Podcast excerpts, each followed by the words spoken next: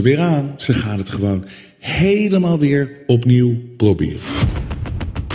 Ze willen die klote maskers weer terugbrengen. Staat voor gehoorzaamheid, onderdrukking, je de mond snoeren. Biden administration preparing to bring back a full COVID lockdown. Denk nou niet dat het weg was. Scientists demand Britons wear face masks. Er staat nu zo ontzettend veel op het spel. Dit is een totale overname van de vrijheden van mensen in het Westen. Die derde wereldoorlog, die is al lang aan de gang. Here comes the real deal. Scientists raise alarm and call for return of face masks. Het is nooit gestopt. Lionsgate tells employees to wear masks. En als er vanuit Amerika ingezet wordt, dan wordt het gewoon wereldwijd weer uitgerold. Doe nou eens een keer niet mee, allemaal. Het is een nieuw shirt. Koop het, hou ons in de lucht, daarmee steun je ons. Maar straal voornamelijk uit, nooit meer maskers. Dat is de manier om je de mond te snoeren. En in mijn mond zullen ze nooit snoeren.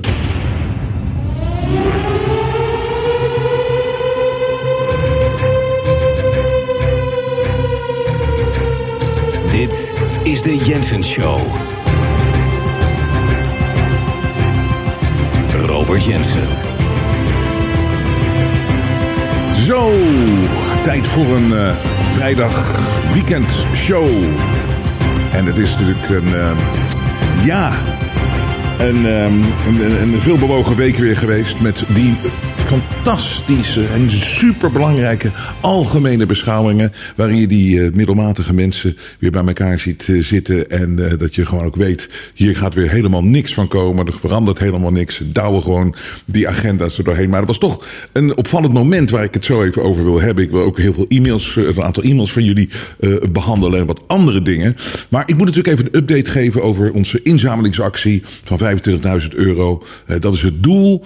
dat is voor onze bandwidth. Dat is voor onze uh, kosten die we hebben aan servers en uh, ons steeds groter uh, groeiende publiek. Zorgt ervoor dat onze kosten natuurlijk ook daar omhoog gaan. En we zaten bij een gat en het is echt fantastisch. We zijn nu zeg maar, ja, eigenlijk anderhalve week zijn we bezig. En ik ga jullie maar meteen een update geven van waar we stonden en waar we dan nu zijn. De laatste aflevering, toen kon ik melden dat we al doorgestegen waren naar 21.350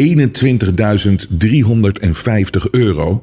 En dat is allemaal dankzij jullie steun en dankzij jullie Dat is niet te geloven. Het is fantastisch dat wij zo kunnen opereren. Ik kan het niet vaak genoeg zeggen. Wij hebben geen adverteerders. Wij willen geen adverteerders. We willen niet al die bedrijven die, die, die gelieerd zijn aan die criminelen van BlackRock en Vanguard. En al die mensen die allemaal maar de, de, agenda er doorheen douwen. Die ons klein willen houden. Die ons willen onderdrukken. Die een plan met ons hebben. Wat een dystopische toekomst is. Verschrikkelijk. En dat doen ze dan natuurlijk door de druk die ze kunnen zetten op bedrijven. Om mensen een bepaald uh, ja, liedje te laten zingen en mensen de mond te snoeren die dan te, te moeilijk zijn, die kritische vragen hebben over COVID of over Oekraïne, de heilige Zelensky of noem het maar op, climate change. Het mag allemaal niet. Het moet allemaal geaccepteerd worden, die leugens.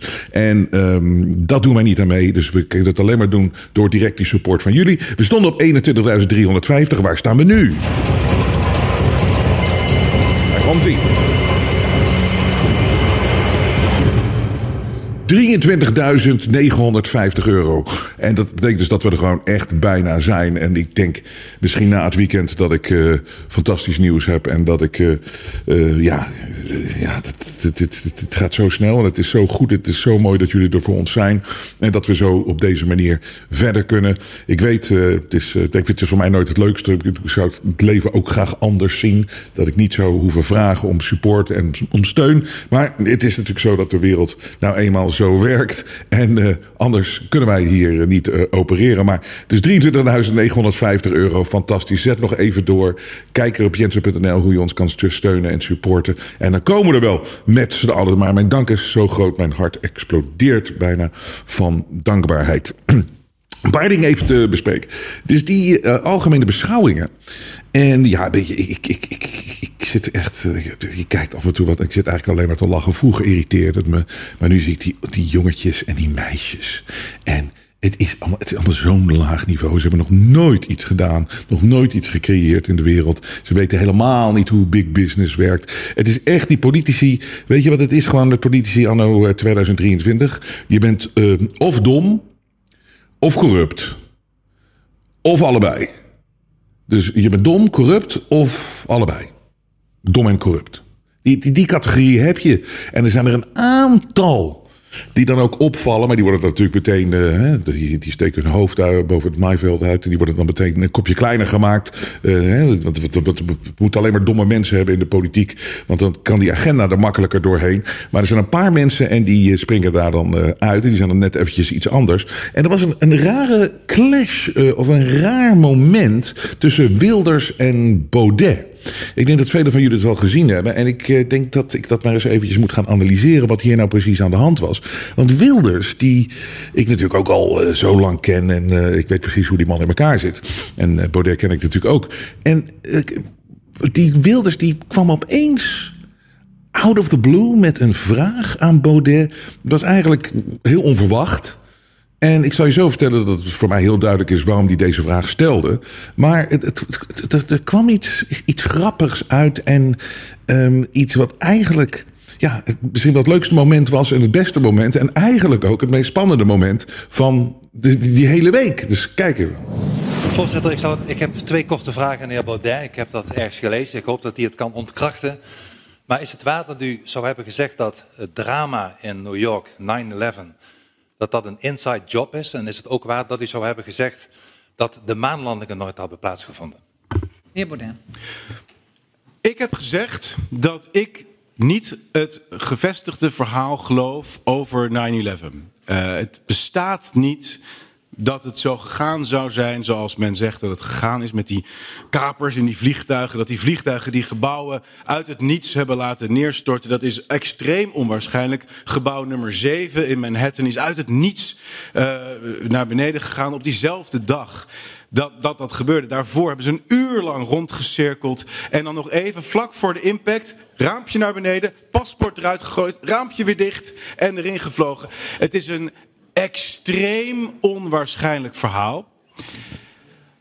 Tegelijkertijd heb ik altijd gezegd: ik weet niet hoe het dan wel is gegaan. Ik weet niet wat er wel bij het Pentagon is gebeurd. Maar het is extreem onwaarschijnlijk dat er een vliegtuig het Pentagon is ingestort. Omdat er nooit resten van een vliegtuig zijn gevonden. Het is extreem onaannemelijk allemaal. Het hele verhaal is extreem onaannemelijk. Uh, ja. Dat een man in een grot met een nierdialyse dit allemaal uh, even geregeld zou hebben. En het zwaarst bewaakte luchtruim op aarde gedurende een uur lang heeft weten te kapen.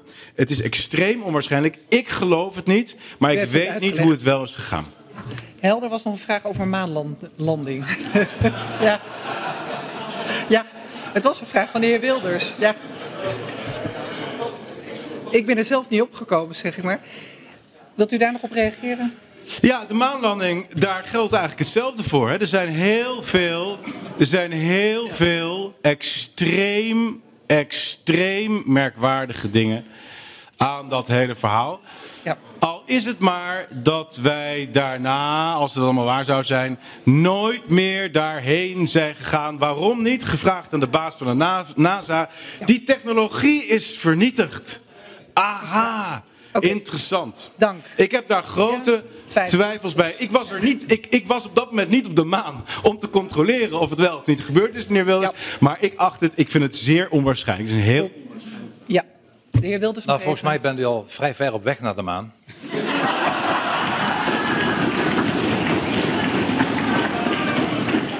Want ik zeg u, meneer Baudet, de maanlanding heeft plaatsgevonden. Helaas heeft 9-11 ook plaatsgevonden. Daar hebben heel veel mensen het leven gelaten. Ja, en ik heb er geen woorden voor, zoveel onzin dat u nu praat. Heel, heel, heel raar moment. Nou, het is, het is uh, dat Wilders daar opeens mee komt en hem zo confronteert. Waarom doet hij dat? Nou, dat zal ik dat maar meteen uitleggen. Wilders is, en ik ken hem al heel lang, Wilders is gewoon echt een politicus is gewoon echt het is echt een politicus. Die speelt dat spel. Die speelt een politiek spel. Um, hij heeft natuurlijk wat imago dat hij echt ergens voor staat. Maar ik heb genoeg dingen uit zijn mond gehoord. Dat ik denk van ja, weet je wel, als jij een kans zou zien om. Uh, dat, dat, als je uh, de, de hele moslimcultuur omarmt. En dat je dan het grootste wordt. Dan zie ik hem er ook nog voor aan dat hij dat ook nog gaat doen. Dat is een beetje overdreven. Maar um, het, het is, uh, het is, hij, hij is gewoon een politiek dier. Het is geen zakenman. Het is geen andere denker of zoiets. Het is gewoon hij denkt aan politiek. Ik heb eh, bij hem in het kantoor gezeten een aantal keren. Dat was dan altijd zo. Dan eh, moest als, die, als, als je hem wilde hebben in je talkshow, hij deed het nooit. Maar dan moest je eerst altijd langskomen op audiëntie. Moest je naar Den Haag. En dan eh, praat je met Wilders. Nou, dat heb ik een aantal keren gedaan. Niet bij de laatste bij mijn laatste show op RTL 5, die talkshow. Toen kwam hij uit zichzelf. Dat was mooi. Hij was fan van die, van die show. En we hebben twee hele goede uitzendingen gedaan. Maar toen uh, hoefde ik niet te komen. Ik was ook niet van plan om te komen. Ik ga niet meer de konten kussen van, uh, van politici. Dat, uh, dat geloof ik allemaal wel. Dus die. Uh, daar ben ik oud en wijs genoeg voor. En ik weet wel hoe het spel gespeeld wordt zo langzamerhand. Maar dan moest je altijd komen. Nou, dat was altijd een leuk gesprek hoor met Wilders. Daar gaat het niet om. Um, maar ik weet nog dat hij een keer zei. Hij zei van ja, mensen zeggen altijd tegen mij van ja, je moet, uh, je moet, je moet, je moet, uh, uh, zeggen dat je de belasting wil verlagen. En toen zei Wilders, ja, maar dat ga ik niet doen, dat ga ik niet zeggen, want ik weet dat het niet kan. En toen zei ik, waarom kan dat nou niet? Ja, nee, maar dat, dat, dat kan gewoon niet. De belasting verlagen, ja, je kan het wel roepen, maar je krijgt het toch nooit voor elkaar. En ja, dat kan niet. Maar dan denk ik, ja, dit is weer zo'n standaard politicus. In plaats van iemand die nou denkt van, ik, uh, ik, ik, ik, ik, ik, stop even met uh, een hele hoop onnodige uitgaven. Of ik gooi even wat ministeries dicht. Of weet ik veel wat allemaal. Ik ga er even groots in. En we gaan die belasting verlagen. Nee, het kan gewoon niet. Dus hij zit toch altijd in dat politieke spel. En wat hij hier deed bij Baudet, is hij wil gewoon natuurlijk graag meeregeren. En uh, Daarom zette hij even zichzelf neer, dat zie je nu ook al vaker in interviews. Hij zet zichzelf neer als gematigd. Ingematigder dan bijvoorbeeld een Baudet. En door zo'n vraag te stellen, het is een hele valse vraag om natuurlijk op zo'n moment in te brengen, zet je, kon hij zichzelf even neerzetten als een gematigd uh, iemand op rechts. En Baudet wegzetten als een gek en een idioot. En het was eigenlijk voor hem om uit te stralen. Zie je, ik kan best gewoon normaal doen. Ik ben normaal. Met mij kan je normaal praten. Ik ben niet zo'n gekke complotdenker als Thierry Baudet. Terwijl je kan mij niet vertellen dat hij ook geen vraag heeft over 9-11 en wat daar allemaal gebeurd is. En uh, ik, het is gewoon heel politiek, is heel vals. Maar zo wordt dat spel natuurlijk gewoon gespeeld. En dat geeft gewoon aan hoe hij er op dit moment in zit. En ik zat zelf, toen ik dit met uh, mijn redactie, of met mijn mensen zat te bekijken um, vanochtend. Toen ging ik even los van hoe ik dat uh, gepareerd had. Wat ik gezegd had als ik Baudet was. En, maar overigens is dit geen kritiek op Baudet. Want het is namelijk heel makkelijk om van een afstand een beetje hè, met, de, uh, met arm over de stoel te hangen. En te zeggen van hoe jij het had gedaan. Kijk, die Baudet staat daar en die wordt opeens out of the loop. Moet hij hierop antwoorden en die geeft daar een antwoord op. En dat is een hele andere situatie dan als je gewoon van een afstand ernaar kijkt. Dus hij deed het goed en het is geen kritiek erop. Maar ik zat wel even, ik, ik begon te vertellen hoe ik dat zou uitleggen aan zo'n wilde. Zo, hoe, hoe ik de confrontatie met hem zou aangaan. Maar dat moet je natuurlijk gewoon ook doen. En uh, toen stopte ik op een gegeven moment. Ik zei, nee, ik doe het zo wel in de show, maak ik het wel af. Kijk, weet je wat, wat ik gedaan? Is vol. Dus, hij, dus Wilders komt van, zegt dat de baanlanding niet gebeurd is. En 11, 11 september is er niet gebeurd. Heeft u dat gezegd? Nou, uh, wat ik meteen gezegd had, was dit. Ik zeg, uh, nou meneer Wilders, uh, wat ik gezegd heb, is dat bij grote gebeurtenissen we vaak later erachter komen dat het narratief wat als eerste is gegeven, dat dat niet blijkt te kloppen. Om even een voorbeeld, je ziet bijvoorbeeld nu de John F. Kennedy-moord, dat is nu 60 jaar geleden. Maar nu wordt iedereen, ook in Amerika, wordt openlijk gesproken op alle niveaus. En is er gewoon een conclusie dat nee, het is niet waar dat één iemand John F. Kennedy heeft neergeschoten. En dat de hand van de CIA hierachter zit. Dat wordt nu publiekelijk besproken, maar het heeft 60 jaar geduurd. Terwijl mensen in de jaren 60 al vragen hadden van het, het, het hele narratief klopt niet. Nou, recentelijk een voorbeeld van waar een overheid niet de waarheid uh, vertelt, maar wat wel hele grote consequenties heeft, is bijvoorbeeld Colin Powell. Die zegt bij de Verenigde Naties er zijn weapons of mass destruction in Irak. En daarom uh, gaan we Irak uh, binnen, binnenvallen. En daarom zijn we Irak binnengevallen. Met desastreuze gevolgen. Colin Powell zat daar gewoon te liegen. De Amerikaanse overheid heeft daar gewoon over gelogen. Er waren geen weapons of mass destruction. En zo zijn er nog veel meer voorbeelden van waar in eerste instantie een grote gebeurtenis plaatsvindt. En dan er een narratief wordt ingezet vanaf het begin. Dat blijkt al vrij snel niet te kloppen. En zeker als de jaren, de jaren gaan er overheen.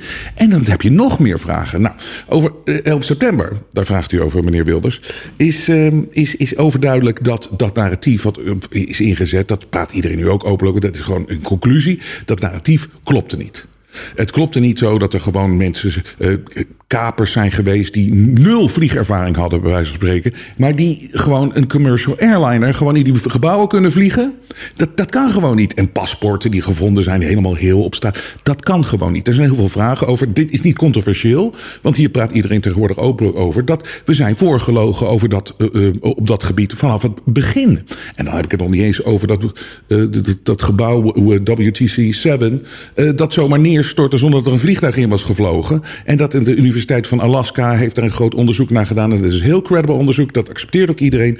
Het verhaal wat ons verteld is daarover vanuit de overheid, dat dat is ingestort vanwege een brand of hitte, kan niet. Dat is inmiddels bewezen en dat de hele onderzoek, dat is gewoon omarmd. En dat is geaccepteerd dat dat klopt. Dus met andere woorden, het narratief vanaf dag één klopte niet. En daar heb ik vragen over. En ik vind dat ik dat als volksvertegenwoordiger hier in het Huis van de Democratie. Ik vind dat ik dat moet doen en dat ik de vragen moet stellen als de overheid liegt. Je moet de overheid toetsen of ze er wel de waarheid aan de burger. Het is niet eens mijn taak als volksvertegenwoordiger, maar ook als burger. Hetzelfde geldt van die, die maanlanding. Er zijn gewoon vragen en die heeft iedereen wel tegenwoordig. Van waarom sinds eind jaren 60 zijn we nooit meer gegaan? En de uitleg die je dan krijgt is heel vaag en de uitleg klopt niet. Dus dan ga je er nog meer vragen over stellen. Vragen stellen, kritisch zijn op de overheid, meneer Wilders. In plaats van u, die, ik weet niet wat er met u gebeurd is, maar dat u zo schaapachtig gewoon maar alles aanneemt van de overheid. Daar sta ik niet voor, daar staan wij niet voor. Het is juist toetsen. is constant in de gaten houden of je wel uh, de, de waarheid verteld wordt door de overheid. Want de bewijzen zijn, die stapelen zich op. Dat constant, als er een groot evenement gebeurt, dat vanaf dag één je niet het juiste verhaal krijgt. En ik merk aan u, zolang het verbaast me echt, deze hele laffe, uh, meelopende, schaapachtige gedrag van u. Maar ik zeg, ik las laatst een interview met u. Ja, u, uh, de scherpe randjes zijn er een beetje van u en uw partij af. Nou ja, als u zo doorgaat, dan zou het me niet verbazen als u volgend jaar hier in New York staat als, als transgender. Dus weet je, het ding is, je moet het rustig, je moet het echt even goed neerzetten. Dat er daadwerkelijk zo voorgelogen wordt door de overheid. En het is de taak juist aan de politiek om constant vragen te stellen. En niet zomaar meelopen. Zo had ik dat gedaan. Maar als je dan ziet wat dat teweeg brengt, meteen weer van die artikelen, hè, van de, dan gaan ze meteen, dit lijkt wel of dan, dan raakt iedereen in paniek, hè? Als, die als je aan die maanlanding twijfelt, of aan 9-11. Och, dan wordt er weer een apparaat opengetrokken met, met, met artikelen. En dan wordt de, persoon die de vragen stelt, die wordt natuurlijk weer zwart gemaakt. Hier, dit is dan de Telegraaf, meteen met een groot artikel. Uh, astronaut Buzz Aldrin gaf een complotdenker ooit een knal voor zijn kop. Zo zat was hij het gezeur dat de mens helemaal nooit op de maan was geweest. Dat is overigens niet helemaal waar. Er was een ander incident waardoor er was meer aan de hand waarom hij die klap gaf. En hij heeft dat later ook uitgelegd. Bij de, Amerika bij de algemene beschouwingen veroorzaakte FVD-leider Baudet woensdag hilariteit met een uiteenzetting over deze hoax. Zeer zorgwekkend, zegt Philippe Schonejans van ruimtevaartagentschap ESA. 20% van Amerikanen gelooft niet dat Neil Armstrong en zijn collega's op de maan uh, rondwandelden. Dat vind ik, als dat zo is, 20%, dat is een hele hoop mensen, hè? 20%. Dat is, dat is bijna 70, 80 miljoen mensen. Daarmee ligt het percentage gelovigen van de samenzweringstheorie bijna net zo hoog als de ontkenners van die, die, die jihadische aanslagen van 11 september 2001. Ook een verhaal waar Thierry Baudet, uitgelokt door Geert Wilders, woensdag een betoog over afstak. In, in Nederland valt het mee. Van de FVD-stemmers gelooft slechts een kwart dat we nooit op de maan zijn geweest. Minder dan de helft gelooft dat de 11 september aanslagen in scène zijn gezet. Luister, het is natuurlijk ook weer een valse manier van om. Niemand zegt dat er iets in de scène is gezet daar. Ik bedoel, er is wel iets plaatsgevonden. Alleen wat je verteld wordt vanaf dag één is niet wat daar is gebeurd. En maanlandinghuis, en dan gaan ze dus eventjes, uh, gaan, ze dus, uh, gaan ze dus zeggen hoe zorgwekkend het allemaal is. Uh, en dat, uh, dat het zo erg is als je, als, je, als je twijfels hebt aan die maanlanding, of het wel zo geweest is. Um, dus gaan ze praten proberen uit te zetten. Hier enkele argumenten van maanlandingsontkenders. Nou, daar komt hij hoor. Dit hebben ze een heel artikel over. Hier komen ze dan mee. De technologie, technologie, van de maanlanding is verdwenen. Dat was een van de argumenten die Baudet aanstipte bij de algemene beschouwingen. Het is toch onmogelijk dat min of meer moderne naties er anno nu niet in slagen om op de, op de maan te zetten. Terwijl de Amerikanen eind jaren 60 het zomaar lukte. Dus dit is natuurlijk gewoon echt de vraag. Hoe kan dat nou? Eind jaren 60, met de technologie die er toen waren, toen konden we naar de maan. En sindsdien lukt het niet meer. En het kan niet meer. Nou, en, er zijn genoeg beelden waar je ook ziet dat die astronauten opeens ronddraaien. En dat die overduidelijk aan touwtjes zitten. Ik bedoel, die beelden zijn, en die zijn echt, die zijn uitgezonden op de Amerikaanse televisie. Ook vragen die je gewoon kan stellen. En het- iedere keer die angst, om daar, om dat, dat het zo eh, angstig is als je dat narratief, eh, als je daar vragen bij stelt. Dat geeft eigenlijk al het antwoord dat er iets niet klopt. Maar waar heeft dat nou te maken dat het sinds de jaren 60 niet meer lukt? Moet je, moet je horen hoe ze dit uitleggen. Dat heeft te maken met de enorme hoeveelheid mankracht en geld die de VS op de mat bracht om de Russen af te troeven in de race naar de maan. Wierp de Britse hoogleraar Anu Oya tijdens, eh, tegen tijdens een lezing in het Koninklijk Museum van Greenwich. Maar overigens, waar komt die man opeens vandaan? Anu Oga. Beantwoord de vraag nou eens een keer. Het is, wat is het nou voor een gelul dat er geen geld is? Er is meer geld dan ooit tevoren. Er zijn meer gekken die ooit die naar de maan willen. En Het slaat nergens op. Moet je het budget van NASA eens even vergelijken met de eind jaren 60. Dat is natuurlijk veel groter tegenwoordig. En dat hele industrial complex. Het is gelul. Er is genoeg geld. Zeker als je het vergelijkt met eind jaren 60. En dan is dit ook het argument van die eh, hoogleraar... die opeens hebben ze dan iemand gevonden die wat gezegd heeft. Niet onderbouwd. Het is gewoon bullshit. Ruim 400.000 mensen werkten mee aan het Apollo-project. 400.000? 400. Onderbouw dat nou eens. Wa- Waar haal je 400.000 mensen vandaan die aan dit project werkten? Is dat inclusief de koffiedame? Is dat dit is toch geen duidelijke eh, eh, betoog? Of dit timmert toch niet dicht de vragen waarom we eind jaren 60 er niet geweest zijn? Er is geen geld. Gelul. De technologie is er niet meer. Hoe kan dat nou? Maar dan ook, ja, er zijn niet genoeg mensen die hier aan willen werken. Terwijl in eind jaren 60, 400, heb je 400.000 mensen nodig hiervoor? En ze zijn natuurlijk veel verder gegaan in die space-ontwikkelingen, of dat vertellen ze ons in ieder geval. Ik zie die rare raketten van Elon Musk omgekeerd landen. Huh? Anyways. En dit is ook een kul argument. De Amerikanen namen in die race bovendien een, niet onaanzienlijk risico met mensenlevens. Zie de ongelukken met Apollo 1 en 13.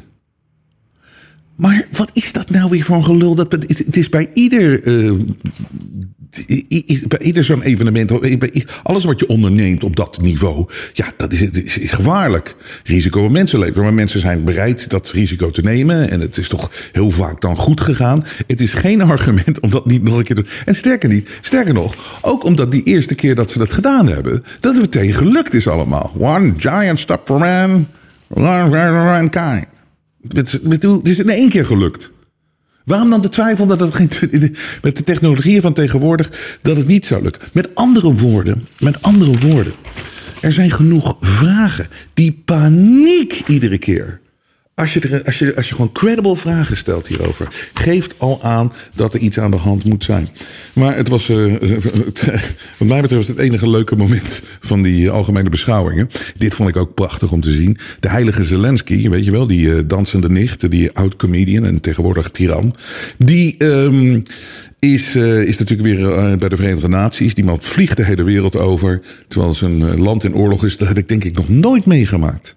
Dat iemand zoveel overal op de wereld eh, te zien is. Met allemaal actrices en acteurs en eh, weet ik veel wat allemaal. Terwijl zijn land in oorlog is. Maar hij moet maar geld hebben. Dus die staat nu bij de Verenigde Naties. Ten eerste moet je die foto eens zien van die Verenigde Naties. Hè?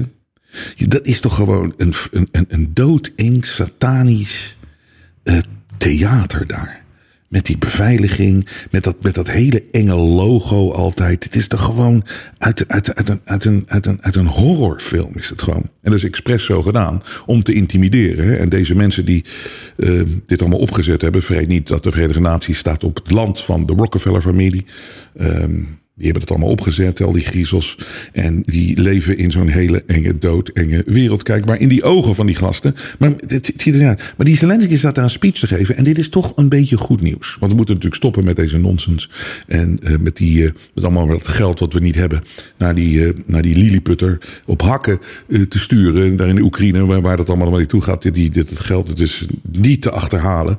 Maar je ziet, hij staat dus te speechen. En die hele zaal, nou, de- meer dan de helft loopt gewoon weg. Met andere woorden, zelfs op dat domme niveau. Mensen zijn er wel achter, dit werkt allemaal niet meer. Dus we zullen dat theater nog maar groter en groter moeten maken. Maar mensen prikken er nu wel doorheen. Die passie voor die oorlog en het idee dat die oorlog echt zo is zoals het ons verteld wordt, die leeft zelfs op dat niveau niet meer. Want anders hangen ze wel aan zijn lipjes van deze hakkendragende, hoge hakkendragende uh, dictator. Dus Zelensky, uh, merk je aan alles, die is een beetje op de weg naar buiten. En dat is goed nieuws.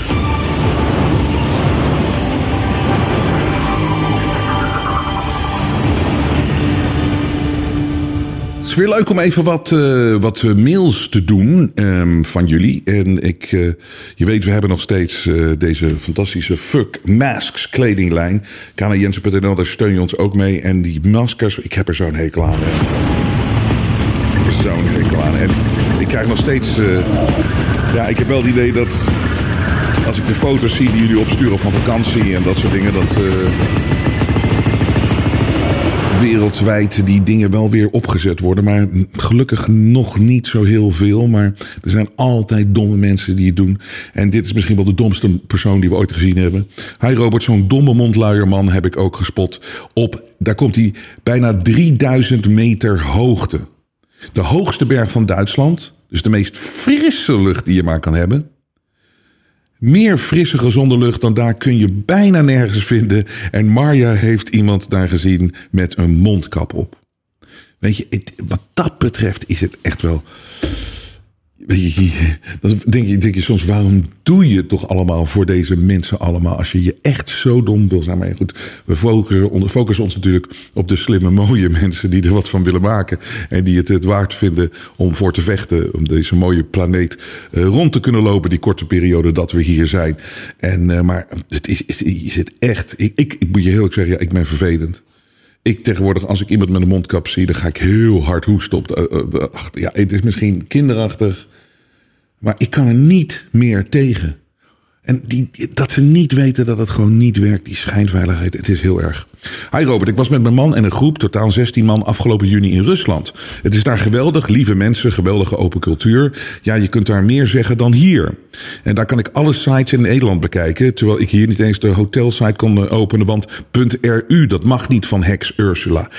Dit is zo erg en zo krankzinnig ook weer hoe mensen zichzelf hier in het Westen dom houden.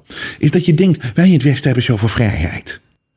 Maar die censuur, dat we niet op Russische websites. Hoe, weet je wel, als die mensen niet bang zijn. Hè, want ik ben niet bang om, om, om dat te lezen. En ik, ik geloof het niet. Ik geloof dit niet, ik geloof dat niet, ik geloof het Westen niet. Ik, ik, ik, doe, ik, ik, ik lees alles en dan kom ik zelf wel uit wat waar is en wat niet waar is. Maar dat gewoon vanuit de EU gewoon al die Russische sites weg zijn gehaald. RT en dat soort dingen ook. Maar alles wat eindigt op .ru. Wat een censuur. Wat worden wij dom gehouden. Dit is alles behalve vrijheid. Hè? Terwijl als je in Rusland bent, die zijn niet bang. Die, hup, die, kijk maar alles wat er in de wereld uh, gebeurt. En wij hebben zoiets van wij in het vrije Westen. Het is niet te geloven dat mensen erin trappen. Hè? Terwijl het is zo duidelijk te zien. En waar zijn ze nou zo bang voor? Nou, met andere woorden, de vraag beantwoordt eh, zichzelf weer. Ze, hebben, eh, ze vertellen ons niet de waarheid. We hebben genoten van de mensen, de nationale feestdag en het eten in het Oekraïense restaurant. Russen hebben geen hekel aan Oekraïners. Wel aan de proxy van de Amerikanen en Europeanen.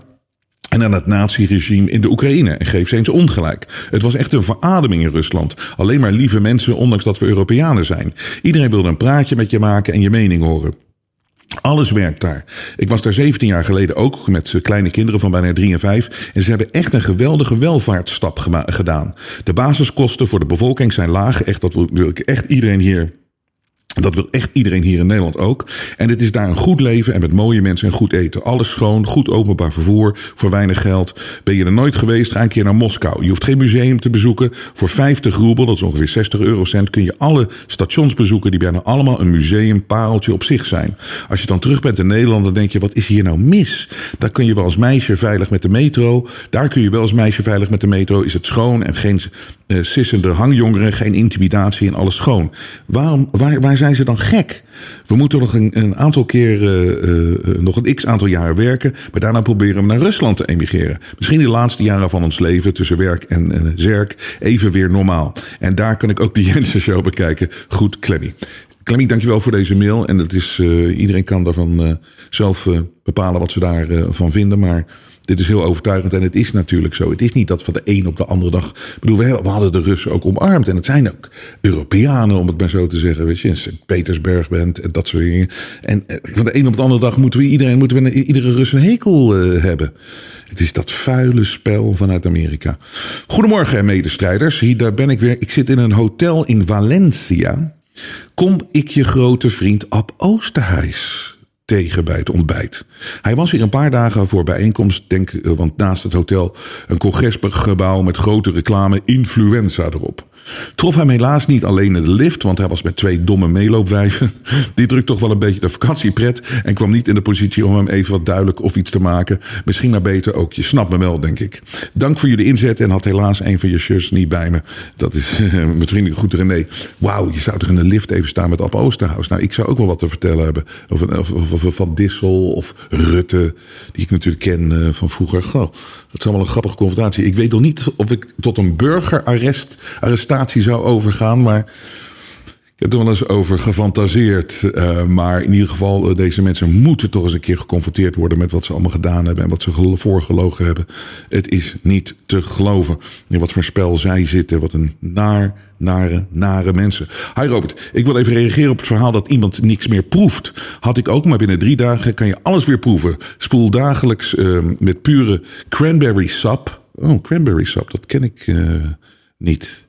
Dat dat uh, misschien dat helpt. Dat neem een slok. Spoel daar minstens één minuut goed je mond mee. Zonder door te slikken. En spuug het uit. Echt je smaak komt terug. Met vriendelijke groet Francesca. Francesca. En Francesca, ja, dat is natuurlijk duidelijk. Uh, dat uh, het is een eenmaal onderdeel van griep. Uh, voor heel veel mensen dat je even een tijdje niks proeft en dat kan lang duren. Maar misschien is dit een hele goede uh, tip. En ik zal het even doorgeven aan mijn hele goede vriendin. Ik ben 8 oktober jarig en ik proef dan geen met mijn taart niet meer. Hi Robert, hier een trouwe fan van letterlijk het eerste uur. Het was zo mooi om vanaf het begin jouw commentaar op Corona te horen. Maar ook pre-Corona was het al geweldig. Het deed me goed om te weten dat normaal denkende mensen rondlopen. Verder valt het me altijd op dat je iemand met een christelijke denkwijze nooit afvalt. Maar je lijkt het wel te waarderen. Dat zie je wel, vind ik. Wat klopt daarvan? Heb uiteraard al meerdere malen jou financieel gesteund. Dat zouden meer mensen moeten doen. Hou vol. Al moet, moet dat niet altijd makkelijk zijn. Groeten van een trouwe, anonieme fan. Nou, uh, christelijke denkwijze... Uh, vind ik prachtig. En ik vind het geweldig. En ik, uh, mensen willen graag, uh, sommige mensen willen heel graag weten hoe ik daar nou precies in sta. En ik doe dat be bewust niet. Want ik zal je vertellen wat ik heb. Ik heb een enorm respect. En ik vind het van essentieel belang voor de mensheid en ook voor mezelf.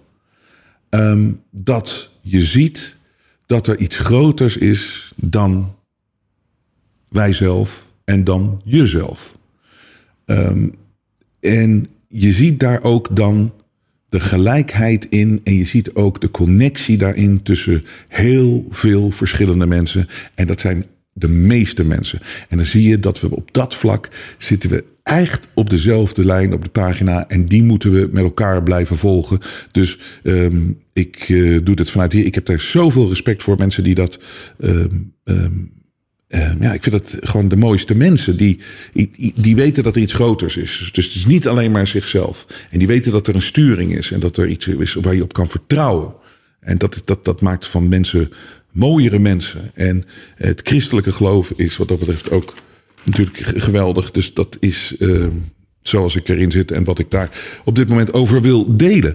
Um, Dagmoedige Robert en team. De woede herken ik totaal. Dit is wat ik in een mail zei recentelijk. Dat ik één keer per dag kwaad nog steeds word van wat ze me aangedaan hebben. Of wat ze ons allemaal aangedaan hebben in die Kiona-periode. En dat, ik, ik, ik vind het zo schandalig. En ik kan er één keer per dag echt woedend over worden. En in het begin dacht ik, daar moet ik misschien een keertje van af. Maar nu gebruik ik het gewoon als een soort van injectie, een soort van drugs. En mezelf ook uh, scherp houden. Want ik mag nooit vergeten wat hier gebeurd is. En dat zal me bijblijven tot de laatste dag. En ik zal ervoor vechten. Ik zal alles doen wat ik persoonlijk kan. Uh, met jullie allemaal natuurlijk dat dit nooit meer gaat gebeuren. Dus ik omarm die woede en ik vind dat hoort gewoon ook bij het leven. Niet constant natuurlijk, Gelo- geloof me, er zijn genoeg mooie momenten in mijn leven. Eh, de woede herken ik totaal. Echter, wat bij mij onder ligt is een diep verdriet.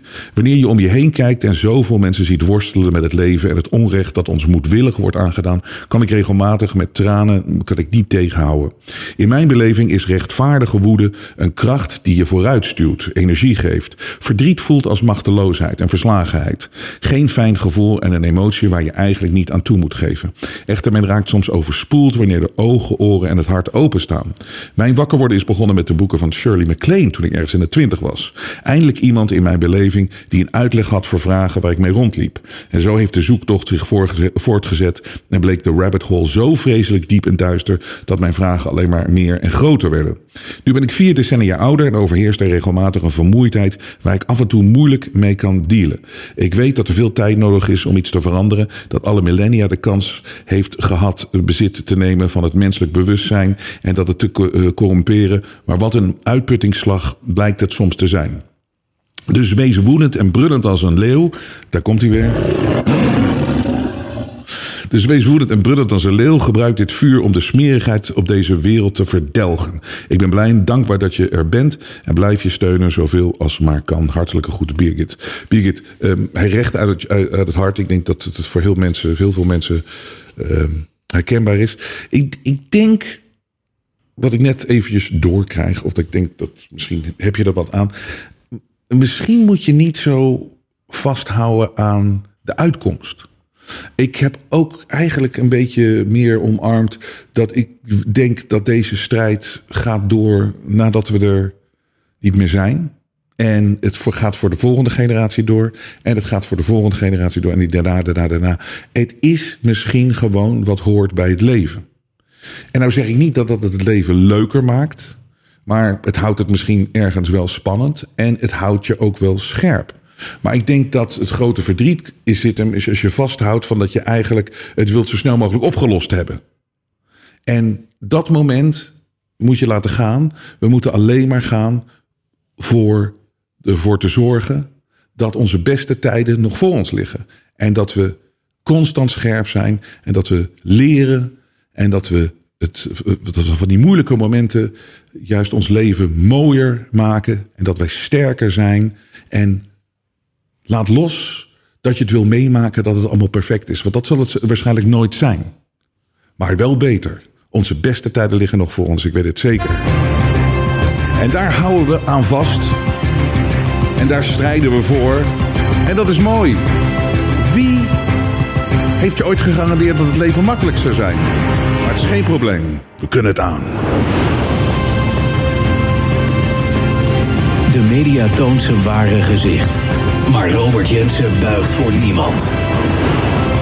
Steun het echte geluid via jensen.nl en wees onderdeel van de vooruitgang.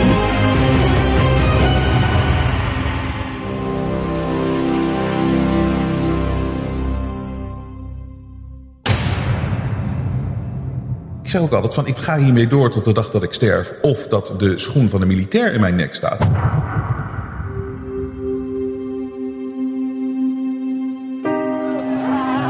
De belangrijkste les die we de afgelopen jaren hebben geleerd is dat we vrijheid niet voor lief moeten nemen. Maar dat geldt voor meer dingen. Er zijn heel veel mensen die denken dat bijvoorbeeld de Jensen Show, waar ze altijd naar kijken, dat dat altijd zal blijven. Dat dat er gewoon is. Dat van- een vanzelfsprekendheid is. En dat is het niet. Wij hebben jullie steun keihard nodig. Jullie weten het, we doen het niet met subsidie van de overheid. We willen juist kritisch zijn op de overheid. En niemand in de mainstream media kan het meer zijn. Wij wel. Hier, de jongen. Iedere Nederlander eens per maand testen op corona. Iedere Nederlander minstens eens per maand een coronatest. Ook als er geen klachten zijn. Iedere Nederlander, 17,3 miljoen. Why don't you just go fuck yourself?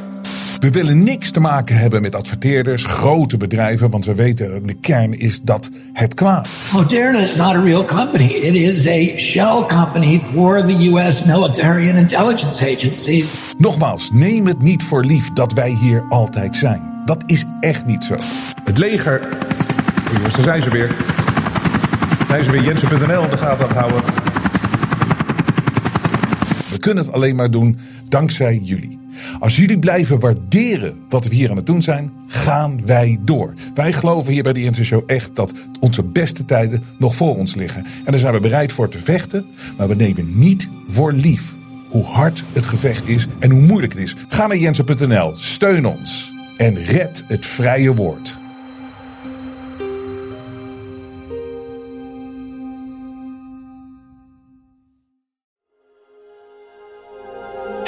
Geluid laat zich niet censureren.